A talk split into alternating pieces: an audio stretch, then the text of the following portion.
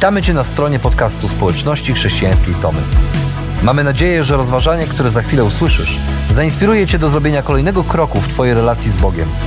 Bo w naszej społeczności zapraszamy wszystkich do relacji z Chrystusem, który zmienia wszystko. Dziękujemy za Twoje zainteresowanie i zapraszamy Cię do polubienia naszego profilu na Facebooku, Instagramie i YouTubie oraz ściągnięcia darmowej aplikacji na smartfona. Dobrego słuchania.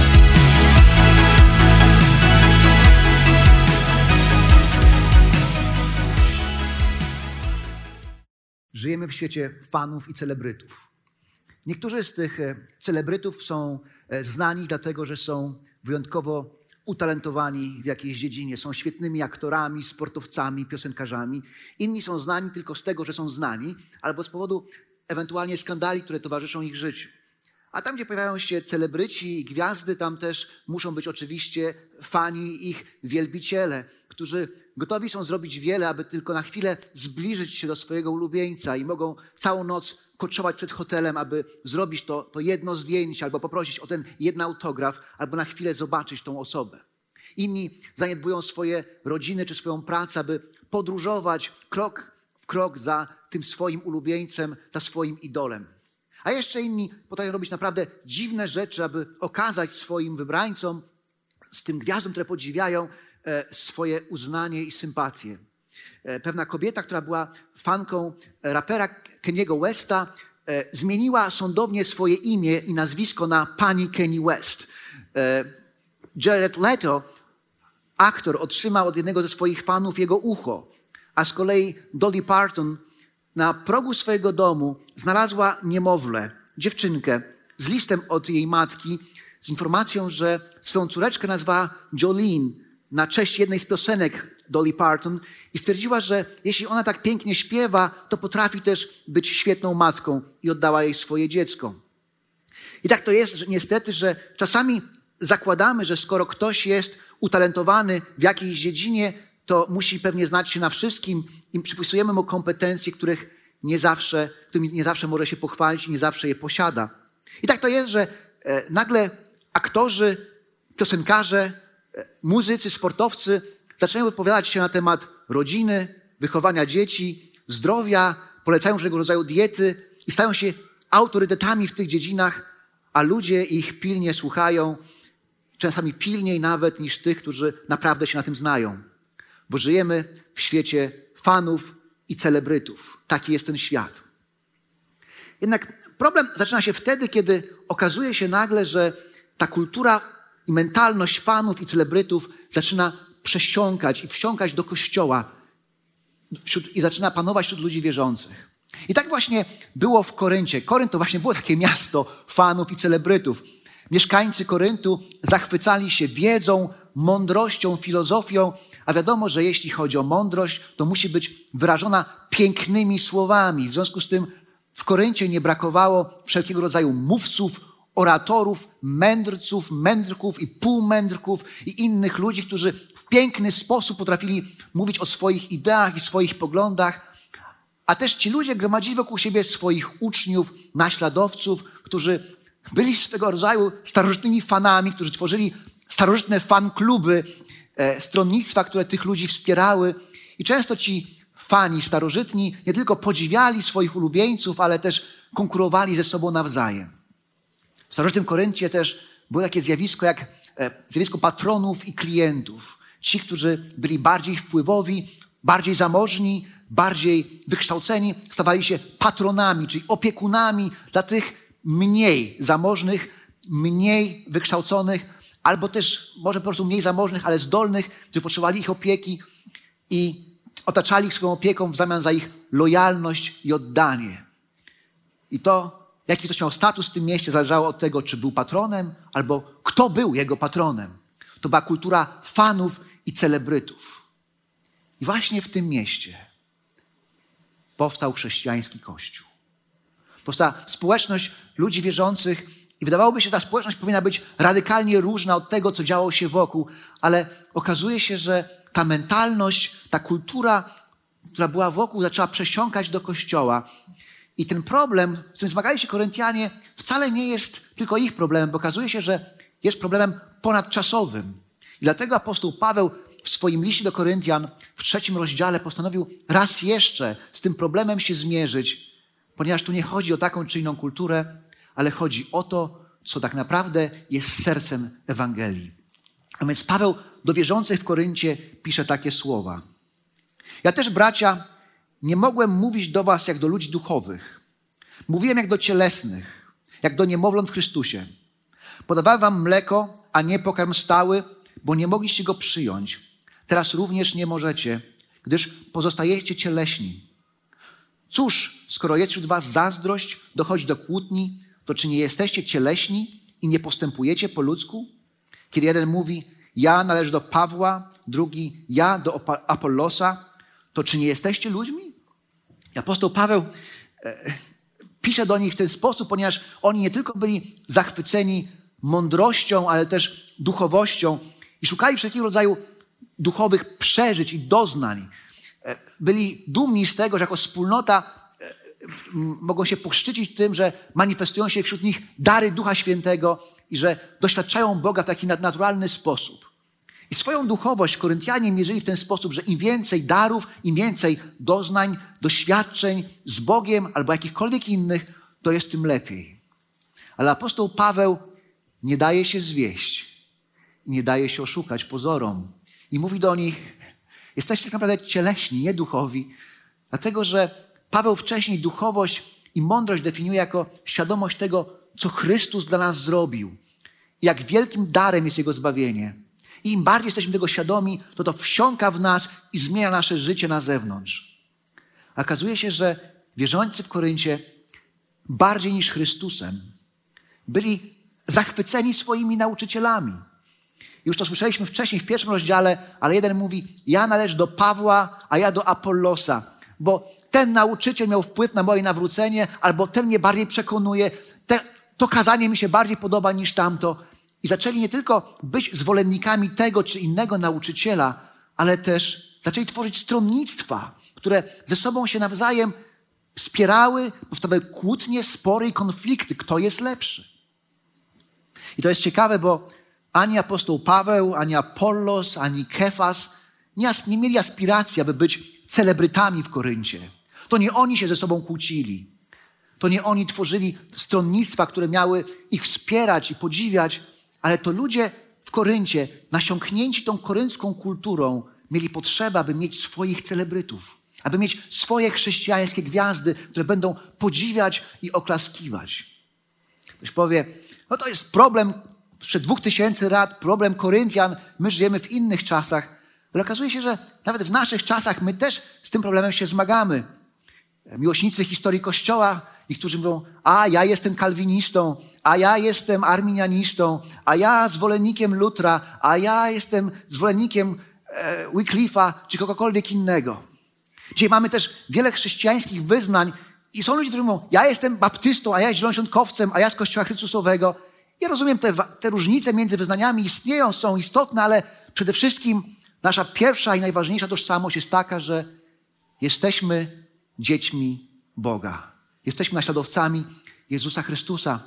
A dzisiejszy internet też pełny jest wszelkiego rodzaju mówców, nauczycieli, kaznodziejów. Wystarczy kliknąć i można wybierać, co kto lubi. I czasem zdarza się tak, że niektórzy stają się w pewnym sensie wyznawcami czy naśladowcami jakiegoś nauczyciela, który ich tak bardzo zafascynuje. I nie ma w tym nic złego, że czyjeś kazania nas przemawiają bardziej niż inne. Natomiast problem staje się wtedy, kiedy stajemy się naśladowcami ludzi, a nie Chrystusa. I kiedy z tego powodu, że ktoś nam się podoba, czy czyjeś nauczanie się podoba, nagle zaczynamy patrzeć na innych z góry czy krzywo. I okazuje się nagle, że ta kultura fanów i celebrytów wcale nie przeminęła z czasami starożytnymi. Francis Chan e, był pastorem wielkiego kościoła w Kalifornii. Przez 17 lat służył w tym kościele jako pastor. Był bardzo, jest ciągle znanym kaznodzieją, mówcą, pisarzem, autorem książek. I jednak zauważył, że w swoim kościele, i nie tylko w swoim kościele, ale w ogóle w Stanach Zjednoczonych, staje się swego rodzaju chrześcijańskim celebrytą. Wspomina, jak w ciągu tygodnia ludzie potrafili dzwonić do, do jego kościoła z pytaniem, kto będzie okazanie w niedzielę. Jeżeli okazywało się, że to on, to przychodzili tłumnie na nabożeństwo, ale jeśli okazywało się, że ktoś inny, a to woleli zostać w domu. Wspomina, że kiedy po jego kazaniu znalazł się, chodził sobie, e, przechadzał się po holu kościoła, to częściej słyszał, jak ludzie z zachwytem mówili o nim, wspominali jego imię dużo częściej niż imię Jezusa. I w jakimś momencie, sfrustrowany tą sytuacją, podjął bardzo radykalną decyzję, bo postanowił zrezygnować z pracy w tym kościele. I na jakiś czas przeniósł się do Hongkongu, gdzie zajął się mniej spektakularną służbą, ponieważ miał dosyć bycia chrześcijańskim celebrytą. I właśnie dlatego apostoł Paweł nie tylko wskazuje na pewien problem, ale też zmienia naszą perspektywę i pokazuje, w jaki sposób powinniśmy patrzeć na naszych liderów, nauczycieli czy przywódców. I dalej pisze tak, kim jest Apollos i kim Paweł? Narzędziami, dzięki którym uwierzyliście. Każdy zrobił to, co mu wyznaczył Pan. Ja zasadziłem, Apollos podlał, lecz wzrost był sprawą Boga.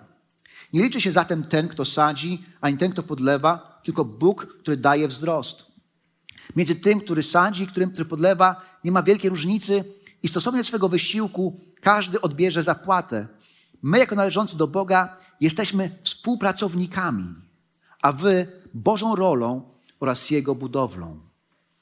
I apostoł Paweł się, posługuje się tutaj obrazem Kościoła jako kawałka pola.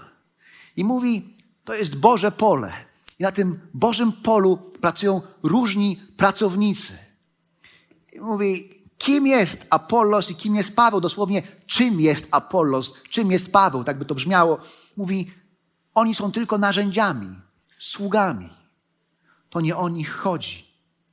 Jeden sadzi, drugi podlewa, ale ten, który, tym, który daje wzrost, jest sam Bóg, ponieważ to jest Jego pole, to jest Jego dzieło, to, jest, to są Jego plony. A więc apostoł Paweł mówi, że ci ludzie, którzy służą, którzy pracują, oni są niczym innym jak współpracownikami. Współpracownikami siebie nawzajem, ale też samego Boga. Oni nie współzawodniczą ze sobą, ale współpracują, służąc dla Bożej chwały. Dlatego, kiedy zatrzymujemy się i próbujemy zastanowić się, jakie jest przesłanie tego fragmentu i co Paweł próbuje nam w tym miejscu powiedzieć, to odkrywamy, że w kościele nie ma miejsca dla współzawodników, a jedynie dla współpracowników.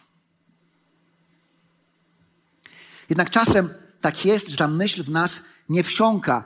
I jednak jesteśmy zafascynowani osobowościami różnymi ludźmi, ludzi i próbujemy e, Kościół budować na tych osobowościach. Albo są ludzie, którzy są tak charyzmatycznymi przywódcami, że skupiają wokół siebie innych ludzi i, i w ten sposób próbują budować całe służby czy kościoły. I właśnie do takich ludzi Paweł pisze o konsekwencjach takiego sposobu myślenia. Paweł pisze tak: Według udzielonej mi przez Boga łaski, jako mądry mistrz budowlany, położyłem fundament. Inni na nim budują i niech każdy uważa, jak buduje. Co do fundamentu, nikt nie może położyć innego poza tym, który już jest, a którym jest Jezus Chrystus. Natomiast czy ktoś na tym fundamencie buduje ze złota, srebra, drogich kamieni, z drewna, siana czy słomy? To się okaże w tym dniu. Każde dzieło przejdzie próbę ognia i w ten sposób wyjdzie na jaw jego wartość. Jeśli czyjeś dzieło wzniesione na tym fundamencie przetrwa, ten otrzyma nagrodę. Jeśli czyjeś dzieło spłonie, ten poniesie stratę, choć sam będzie zbawiony, to jednak jakby został ocalony z ognia. I tu apostoł Paweł posługuje się innym obrazem Kościoła jako budowli. I mówi, że e, ta budowla opiera się na jednym fundamencie. Tym fundamentem jest Jezus Chrystus, bo innego być nie może. Ale okazuje się, że na tym jednym fundamencie różni ludzie budują w bardzo różny sposób i używając różnych materiałów. Jedni budują ze złota, srebra, drogich kamieni, z tego co wartościowe i trwałe. Ale są też tacy, którzy budują z drewna, słomy, siana, z tego co nic nie warte i też nietrwałe. I Paweł mówi, że efekt tego budowania okaże się w tym dniu, w dniu powtórnego przyjścia Jezusa. Wtedy okaże się, kto z czego budował. Ale na końcu Paweł podaje, mówi te dziwne słowa. Mówi, jeśli czyjeś dzieło spłonie, ten poniesie stratę, choć sam będzie zbawiony, jednak jakby został ocalony z ognia. I te słowa są e, dość kontrowersyjne i budzą wiele różnych interpretacji. Niektórzy protestanci uważają, że Paweł mówi o tym, że to tak do końca nieważne, jak żyjesz. Znaczy, to ważne jest, jak żyjesz, ale, ale koniec końców, e, nawet jeżeli źle żyjesz, to, e, to będziesz zbawiony, ale tak do, nie, do wieczności trafisz taki okopcony lekko. Taki okopcony, ale trafisz do wieczności. Katolicy powiedzą, ten tekst mówi o czyśćcu, że jeżeli jesteś nie do końca dobrym człowiekiem, to najpierw cię trochę przysmażą po drodze, trafisz do czyśćca, tam cię podpieką, a kiedy cię już tak podsmażą, to tak ocalony przez ogień trafisz do wieczności w końcu. Ale ten tekst nie mówi ani o tym, ani o tym, ponieważ kiedy patrzymy na jego kontekst, to odkrywamy, że tu nie jest mowa o naszym osobistym budowaniu mojego życia, ale o służbie, o budowaniu kościoła. I wcześniej kontekstem tego tekstu było właśnie to, że Paweł mówi, że są ludzie, którzy mówią: Ja jestem Pawłowy, ja należę do Pawła, ja do Apollosa, którzy próbują budować kościół, wspólnotę w oparciu osobowości swoich liderów, swoich przywódców, ulubionych nauczycieli i doprowadzają do sporów i konfliktów. I pewnie też są tacy nauczyciele, którzy przekonani o wartości swoich talentów, obdarowania, swojej osobowości, charyzmy, próbują skupić innych na sobie samych. I oni są fundamentem swojego kościoła. Apostoł Paweł mówi: takie budowanie nie ma sensu. Bo wcześniej czy później to wszystko, co w ten sposób jest budowane, obróci się w popiół. Kiedy przyjdzie Jezus, okaże się wartość tego budowania, a czasem dzieje się to wcześniej, kiedy taki przywódca z jakiegoś powodu odchodzi i nagle wszystko, co zbudował, jeszcze tutaj po tej stronie wieczności, nagle zaczyna się sypać i walić i się kończy. A czasem bywa jeszcze gorzej, bo nawet nie musi odchodzić taki przywódca, ale jeszcze w czasie budowania okazuje się, że ten fundament po prostu nie jest dość mocny. Mark Driscoll był przyjacielem Francisa Chana. I kiedy dowiedział się, że jego kolega zrezygnował ze służby z pastorskiej w wielkim kościele, bo nie chciał być celebrytą, przeprowadził z nim wywiad. W czasie tego wywiadu próbował przekonać swojego kolegę, że to głupia, głupia decyzja, że Kościół potrzebuje mocnych osobowości, że potrzebuje takich ludzi, którzy pociągną swoimi talentami innych. W każdym razie się z nim nie zgadzał. I w tym czasie Mark Driscoll był właśnie taką osobowością, był takim chrześcijańskim celebrytą, człowiekiem, który, którego kazań słuchały tysiące ludzi, jego książki były kupowane przez tysiące ludzi, był zapraszany na konferencje, e, do telewizji, do radia. W każdym razie jego kościół w 2012 roku liczył 12 tysięcy ludzi. Ale po jakimś czasie okazało się, że współpracownicy Francisa, e, e, Marka Driscolla zaczęli zwracać uwagę na, na to, że ta osobowość, na której on buduje, wcale nie jest taka doskonała. Okazało się, że ma problem z arogancją, z wybuchowym charakterem, że w poniżający sposób traktuje swoich pracowników i innych ludzi, zwraca się do nich używając obraźliwego języka. Do tego doszła jakaś nieprzejrzystość w finansach i jeszcze parę innych rzeczy. I okazało się, że ten kościół, który miał 12 tysięcy ludzi w 2012 roku, 1 stycznia 2015 roku przestał istnieć. To, co zbudował, zamieniło się w popiół. I właśnie dlatego apostoł Paweł mówi, że budowanie na osobowościach to nie jest dobry pomysł. A czasem nie tylko ludzie budują na osobowościach, ale to prowadzi do konfliktów, do podziałów i to niszczy Kościół. A Paweł dalej w mocnych słowach przestrzega przed tym, przed działaniami, które mogą prowadzić do niszczenia Kościoła i mówi, czy nie wiecie, że jesteście przybytkiem Boga i że Duch Boży mieszka w was? Jeśli ktoś niszczy przybytek Boga, tego zniszczy Bóg. Gdyż przybytek Boga jest święty, a wy właśnie nim jesteście. Te słowa nie są skierowane do ludzi niewierzących, ale wierzących. Paweł mówi, kto niszczy Kościół przez podziały, spory, konflikty, tego Bóg zniszczy, a jednocześnie przypomina, że Kościół to jest wyjątkowe miejsce. To wyjątkowa grupa ludzi. Bo to nawet nie chodzi o miejsce, ale o ludzi. Że on nazywa nas świątynią Boga. I mówi, Kościół jest święty i wy jesteście święci, my jesteśmy święci, ponieważ sam Bóg zamieszkał w swoim Kościele. Kościół jest mieszkaniem samego Boga.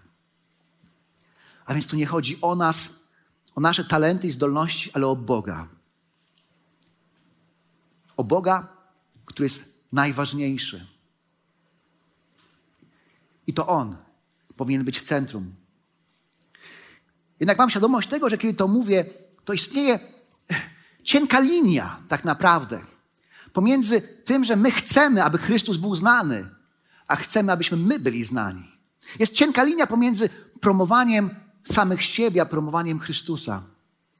Bo przecież my tutaj w Tomy organizujemy rodzinny power i chcemy, aby jak najwięcej ludzi przyszło na to nabożeństwo. Pokazujemy nasze nabożeństwa w internecie i cieszymy się, kiedy ludzie klikają, oglądają, bo chcemy, aby tysiące ludzi dowiedziało się o Jezusie. I cieszymy się z tego, że tak się dzieje. Ja piszę książki i cieszę się, że ludzie je czytają, no bo po to się pisze książki. Rozmawiałem nie tak dawno z Chrisem Wrightem, z brytyjskim teologiem, i on w tej rozmowie mówi: Adam, chcę ci powiedzieć, że ja lubię widzieć swoje nazwisko na okładce książki. Ale chcę, żebyś wiedział, że nie po to piszę te książki. I właśnie tak jest, że chociaż chcemy dotrzeć do wielu ludzi i cieszymy się z tego, że możemy robić to w sposób dobry, to nie to jest celem, aby promować samych siebie, aby zwracać uwagę na samych siebie. Dlatego powiem Wam szczerze, ja czuję się niekomfortowo, kiedy po kazaniu słyszę oklaski brawa, ponieważ to nie ja jestem gwiazdą, to nie jest nasza scena, to nie jest nasz występ, ale to chodzi o Boga, który jest najważniejszy. Dlatego w kościele nie budujemy na osobowościach liderów i dla chwały liderów, ale na Chrystusie i dla chwały Chrystusa.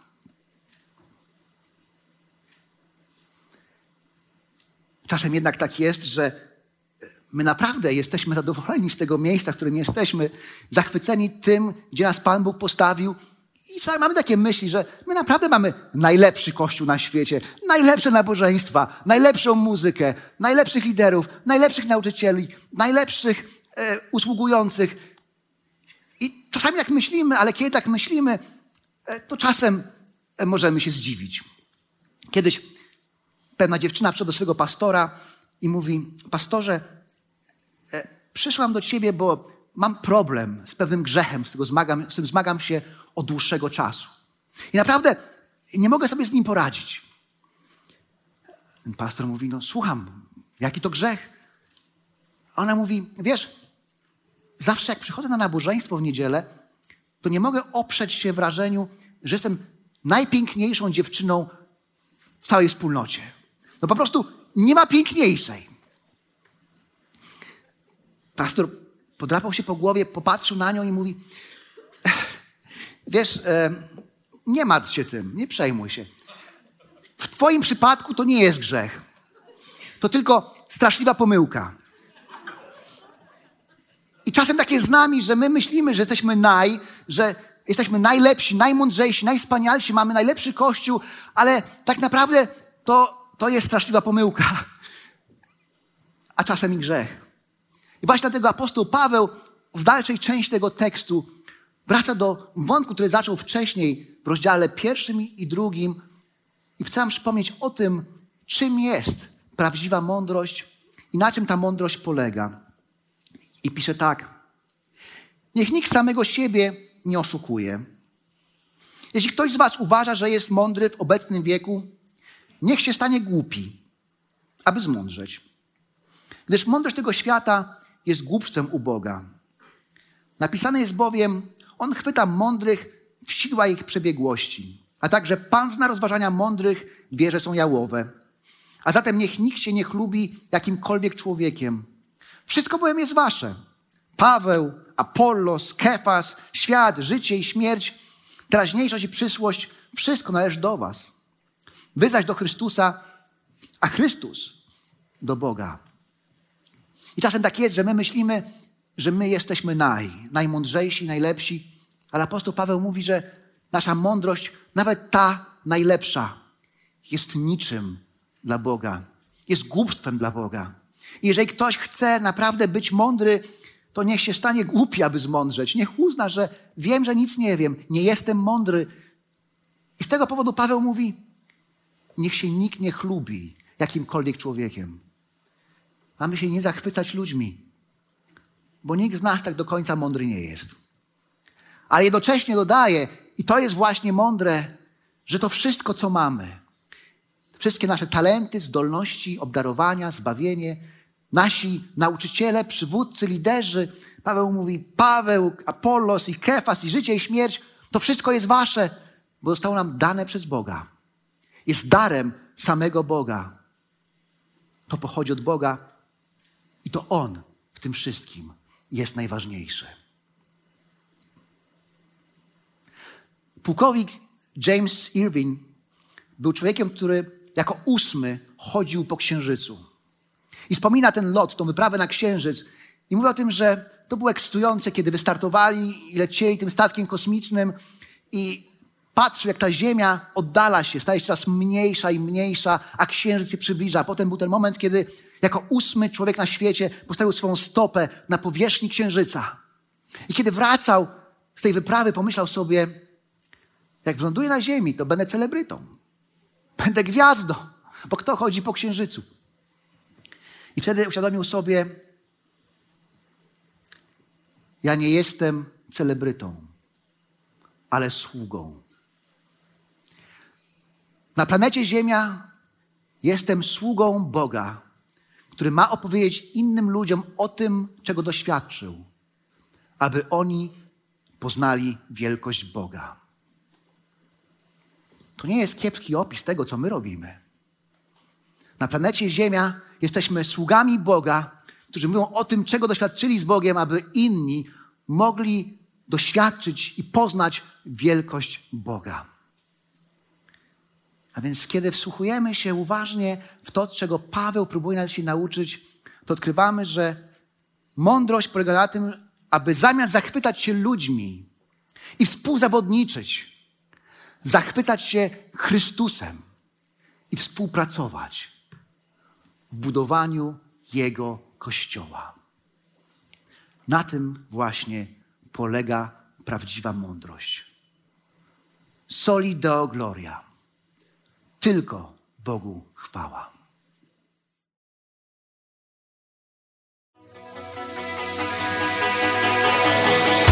Jeszcze raz dziękujemy za wysłuchanie naszego rozważania.